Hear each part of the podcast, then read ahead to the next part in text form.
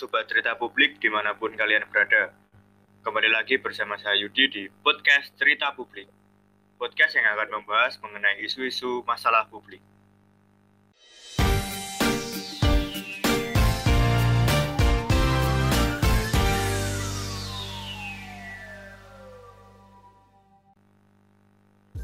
Oke, kali ini kita akan berdiskusi mengenai suatu topik yang eh, cukup menarik uh, yaitu paradigma ekonomi politik dan pengaruh kekuasaan dalam pengambilan keputusan sektor publik. Nah, uh, pada diskusi kali ini tentunya aku nggak sendiri karena telah dibersamai oleh uh, dua kawan saya dari administrasi publik, ada Kak Atika dan juga Danilam. Halo kalian, apa kabar? Halo, alhamdulillah baik. Halo, baik. Oke, ya tentunya semoga kita semua sehat selalu ya di tengah pandemi dan uh, terus tetap produktif. Nah mungkin uh, sebelum kita diskusi hari ini kita, uh, aku pengen nanya dulu nih, uh, apa sih kesibukan kalian uh, di tengah pandemi ini terlebih di kuliah online ini juga? Apa sih kesibukan kalian yang kalian lakukan? Aku mulai dari Atika dulu. Eh, kalau dari aku ya, aku mungkin kesibukanku cuma ya kuliah gitu sama eh, akhir-akhir ini tuh banyak tugas gitu aja sih. Oke, kalau dari Nilam sendiri? Kurang lebih sama ya, kan kita masih kuliah, udah semester tua juga, pasti tugas juga numpuk kan. Tapi selain itu kita bisa diimbangi dengan main, biar nggak begitu stres. Kalau aku sendiri sih di akhir pekan itu ada part time juga, jadi untuk ngisi waktu kayak gitu. Oke ya, ini ternyata dua narasumber kita ini sangat uh, produktif ya teman-teman.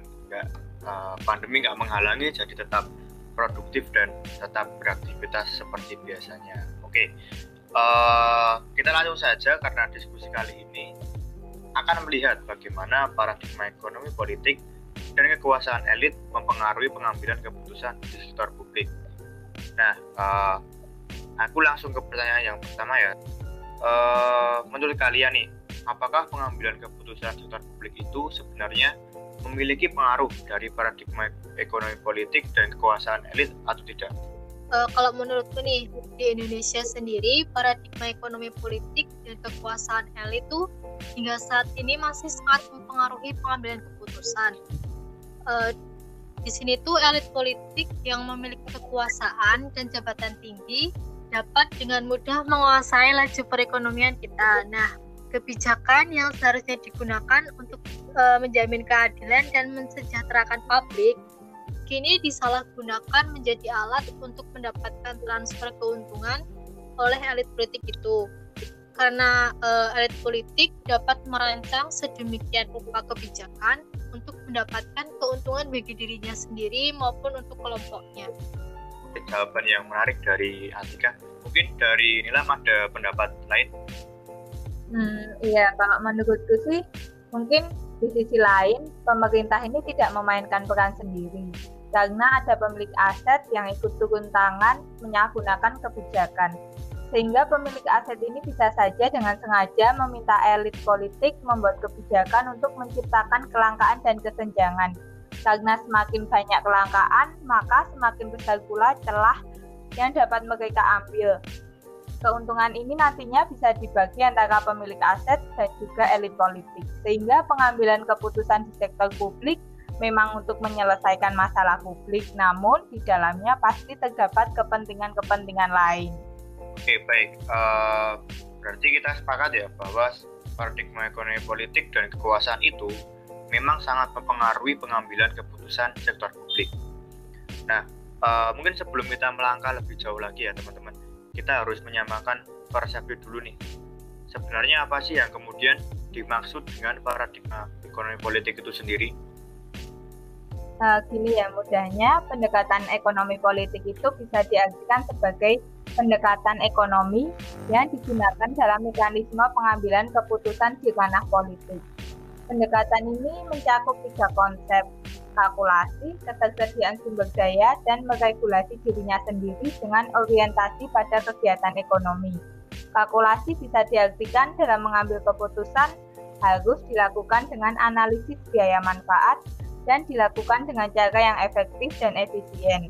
Untuk ketersediaan sumber daya sendiri dapat mengajarkan pengelolaan, di mana bisa mengelola sumber daya dengan seminimal mungkin untuk mendapatkan hasil yang maksimal. Sedangkan meregulasi dirinya sendiri dalam artian mampu menciptakan aturan dan kebijakan untuk dapat dipatuhi menetapkan isu-isu strategis dan mampu mengabulkan isu prioritas. Nah, untuk uh, pendekatan ekonomi politik ini uh, juga dapat dimaknai bahwa seseorang atau elit yang memiliki akses akan mendapatkan surplus dan dapat menguasai akses. Uh, di mana semakin ada kelangkaan, maka elit politik ini semakin memiliki celah untuk mendapatkan keuntungan melalui keputusan yang diambil uh, di sini tuh uh, kebijakan dibuat seakan-akan untuk menciptakan kelangkaan agar ada transfer keuntungan yang, yang diambil oleh pemilik aset atau pemangku kepentingan. Kemudian uh, hal ini tuh akan berdampak pada adanya gap atau kesenjangan sosial yang semakin meningkat, akan tetapi mudah dikelola oleh elit politik. Oke, uh, dari hal yang telah disampaikan ya jika aku highlight uh, paradigma ekonomi politik ini dapat dimaknai sebagai suatu kecenderungan ekonomi yang melihat politik untuk digunakan dalam mencapai uh, keuntungan yang maksimal.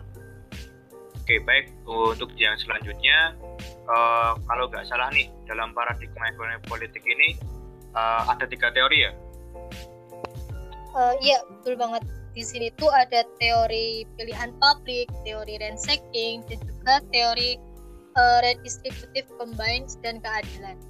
Uh, Oke, okay. uh, eh, aku juga nih kalau teori pilihan publik ini lebih condong ke pada pemerintah, politisi, birokrat ataupun kelompok kepentingan yang memunculkan adanya public choice atau rational choice. Nah, di sini publik hanya diposisikan sebagai pemilik barang publik, sedangkan pemerintah dan partai politik yang telah dipilih masyarakat dalam pemilu uh, menjadi alternatif penyedia barang publik melalui suatu kebijakan yang dikeluarkan. Nah, kalau untuk teori ransaking ini bisa dimaknai di mana ada kelompok atau perseorangan yang memiliki akses untuk meningkatkan pendapatan berupa rente atau yang sering kita sebut dengan bunga uang melalui pemanfaatan regulasi pemerintah, di mana aktivitas ransaking ini nantinya akan mendistorsi atau mengubah alokasi sumber daya yang menyebabkan ekonomi kita menjadi tidak efisien. Sedangkan untuk teori redistributive combines dan keadilan eh, dilakukan oleh suatu kelompok yang mengambil keuntungan dari negara dengan cara mempengaruhi pemerintah untuk memperoleh redistribusi yang menguntungkan bagi kelompok mereka kelompok ini mengakibatkan distribusi sumber daya ekonomi menjadi terbatas pada sebagian orang saja. Uh, adapun penyebab munculnya kelompok redistribusi ini bisa dari sistem politik yang tertutup oleh sistem hukum yang kabur atau bisa juga dari ketiadaan hukum yang mengatur dengan jelas. Oh iya, akan tetapi pendekatan ekonomi politik dan politik ekonomi itu berbeda ya teman-teman. Mungkin terdengar secara sekilas hanya kebalikannya saja, akan tetapi makna di dalamnya itu tentu berbeda. Oke, nah yang perlu digarisbawahi bahwa ekonomi politik dan politik ekonomi itu berbeda ya teman-teman. Uh, di mana kalau pendekatan ekonomi politik itu diartikan sebagai pendekatan ekonomi yang melihat politik sebagai alat untuk mencapai keuntungan maksimal. Sedangkan politik ekonomi diartikan sebagai pendekatan politik yang melihat ekonomi adalah alat untuk mencapai kekuasaan dan kepentingan. Lanjut, uh, kalau untuk pengaruhnya sendiri nih, uh, kemudian seperti apa sih pendekatan ekonomi politik ini akan berpengaruh terhadap mengambil keputusan sektor publik? Ya, pendekatan ekonomi politik ini pasti berpengaruh ya dalam pengambilan keputusan sektor publik, di mana pendekatan ini mampu memunculkan keterlibatan atau campur tangan oleh aktor lain selain pemerintah, sehingga di sini pemerintah tidak memainkan peran sendiri. Dalam pendekatan ini pun terdapat peran publik sebagai sistem kontrol sosial. Karena ada keterlibatan banyak aktor dan juga publik di dalamnya, maka keputusan yang diambil bisa dikatakan lebih netral untuk menjawab permasalahan publik. Uh, ya itu betul sekali, tetapi uh, kebijakan ini tuh bisa saja pre-order, yaitu kebijakan yang dibuat atas dasar permintaan siapa yang memesan. Uh, kemudian pendekatan ekonomi politik ini uh, juga bisa meningkatkan adanya gap atau kesenjangan sosial, di mana yang memiliki kekuasaan akan menjadi kaya dan masyarakat bawah akan semakin terpuruk. Pada akhirnya, semua aktor akan berlomba-lomba mendapatkan keuntungan untuk bisnisnya sendiri. Oke, uh, setelah berbincang cukup panjang ya, menurutku pendekatan ekonomi politik dalam pengambilan keputusan ini memiliki eksternalitas positif atau kelebihan. Seperti yang telah dikatakan bahwa pendekatan ekonomi politik mampu melibatkan aktor lain dalam pengambilan keputusan. Bisa juga mengoptimalkan kebijakan dari bawah ke atas atau yang sering kita dengar dengan bottom up. Iya, betul. Nah, selain itu, pendekatan ini tuh bisa menggeser posisi dari stateless menjadi people power. Dalam artian eh, bahwa terdapat campur tangan publik dalam pengambilan keputusan dan dapat melihat peran aktor sebagai agen yang memiliki kepentingan sendiri dan memicu lahirnya pendekatan public choice. Uh, mungkin aku menambah, menambahkan sedikit yang belum kalian sebutkan ya bahwa pendekatan ekonomi politik dan pengaruh kekuasaan dalam pengambilan keputusan sektor publik itu pun dapat mengubah sistem yang tadinya sentralistik menjadi desentralisasi, sehingga mampu memecah kekuasaan yang ada di dalamnya. Selain itu juga dapat mengajarkan mengenai pendekatan problem solving baik secara mikro maupun makro. Oke, baik. Uh, jika itu tadi merupakan kelebihan dari pendekatan ekonomi politik, Lalu seperti apa eksternalitas negatif atau kelemahan dari pendekatan ekonomi politik itu sendiri? Oke, untuk pendekatan ekonomi politik eh, sebenarnya juga memiliki eksternalitas negatif dalam pengambilan keputusan sektor publik. Nah, seperti terjadinya pergeseran sikap dari demokratis menjadi pragmatis. Terus ada juga pergeseran dari ideologis menjadi ekonomis, di mana bisnis menjadi tujuan utama. Nah, selain itu, ada pergeseran dari realistik menjadi pluralistik atau relatif. Selain itu juga menggeser alokasi sumber daya sehingga tidak bisa sesuai dengan sasaran yang semestinya. Nah, selain yang dikatakan Tika tadi, pendekatan ekonomi politik ini pun dalam pengambilan keputusan sektor publik bisa menyebabkan anggaran menjadi tidak efektif dan efisien bisa juga mengurangi produktivitas kebijakan ketika diimplementasikan, bisa mendistorsi atau mengubah sumber daya publik menjadi privat untuk kepentingan pribadinya, terus dapat menyebabkan marginalisasi sosial ekonomi di tengah masyarakat, serta politik digunakan sebagai ruang transaksi kekuasaan oleh berbagai elit. Uh, benar juga yang telah disampaikan, uh, karena setiap uh, hal itu pasti ada negatif dan juga positifnya dan ketika negatifnya bisa diminimalisirkan uh, akan memberikan keuntungan yang uh, melimpah dan uh, berguna bagi masyarakat seperti itu.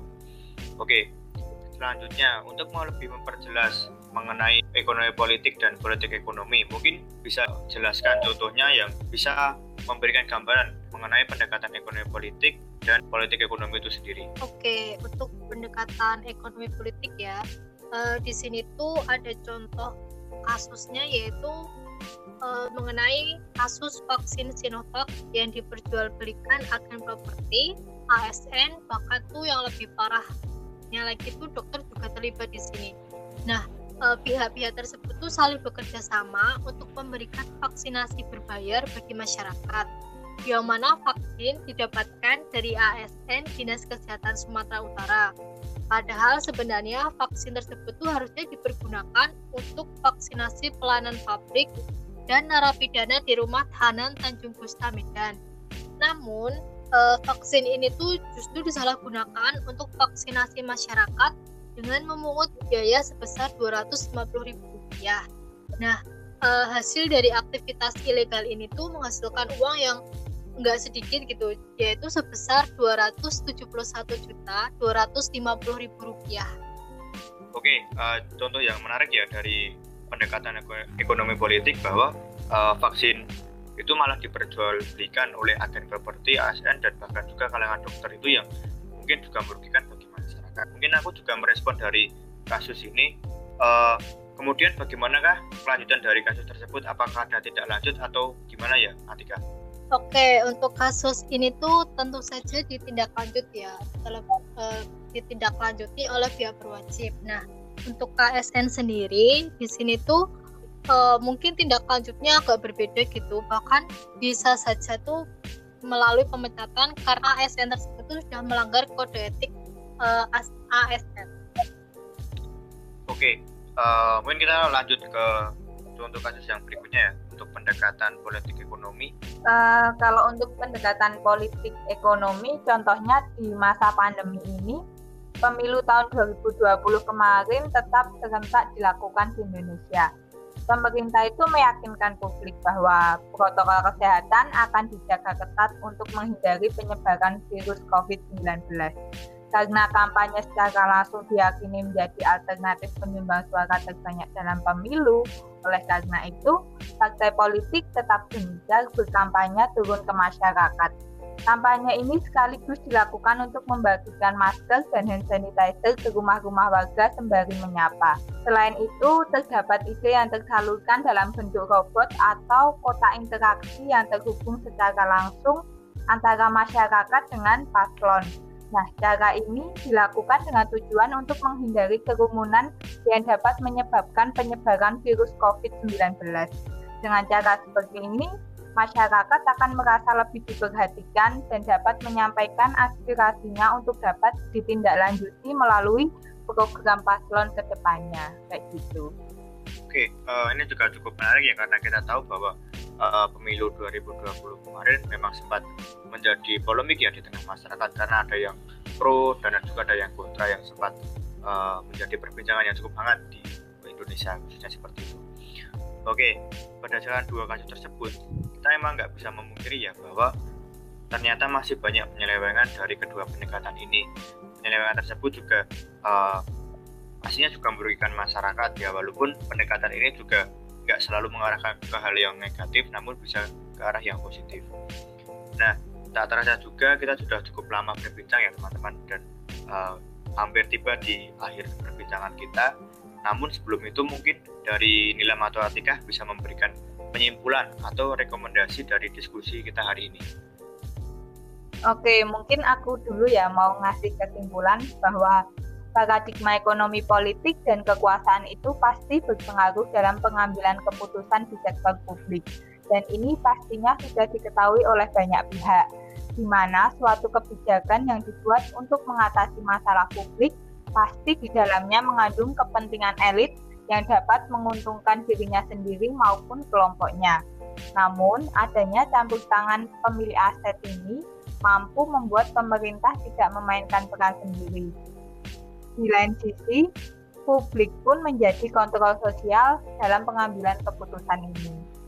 Eh, dan aku mau mengasih sedikit rekomendasi dalam pengambilan keputusan tuh wajar terdapat pendekatan paradigma ekonomi politik dan pengaruh kekuasaan. Akan tetapi eh, di sini tuh yang harus ditekankan yaitu suatu keputusan harus benar-benar tepat sasaran untuk menjawab masalah publik.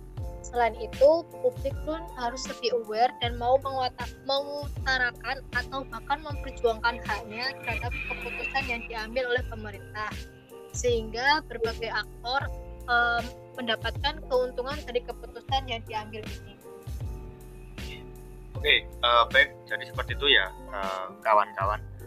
Kemudian untuk closing statement yang bisa kuberikan pada eh, perbincangan kali ini adalah eh, publik jangan mau ikut bermain dengan permainan yang sengaja dibuat oleh elit untuk kepentingannya semata.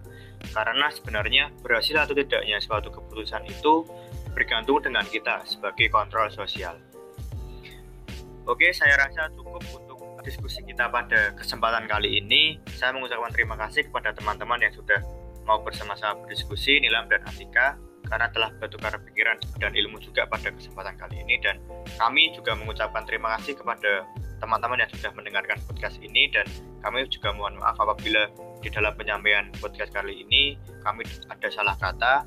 Dan sampai jumpa di lain kesempatan. Dan tetap bersama kami di podcast Cerita Publik.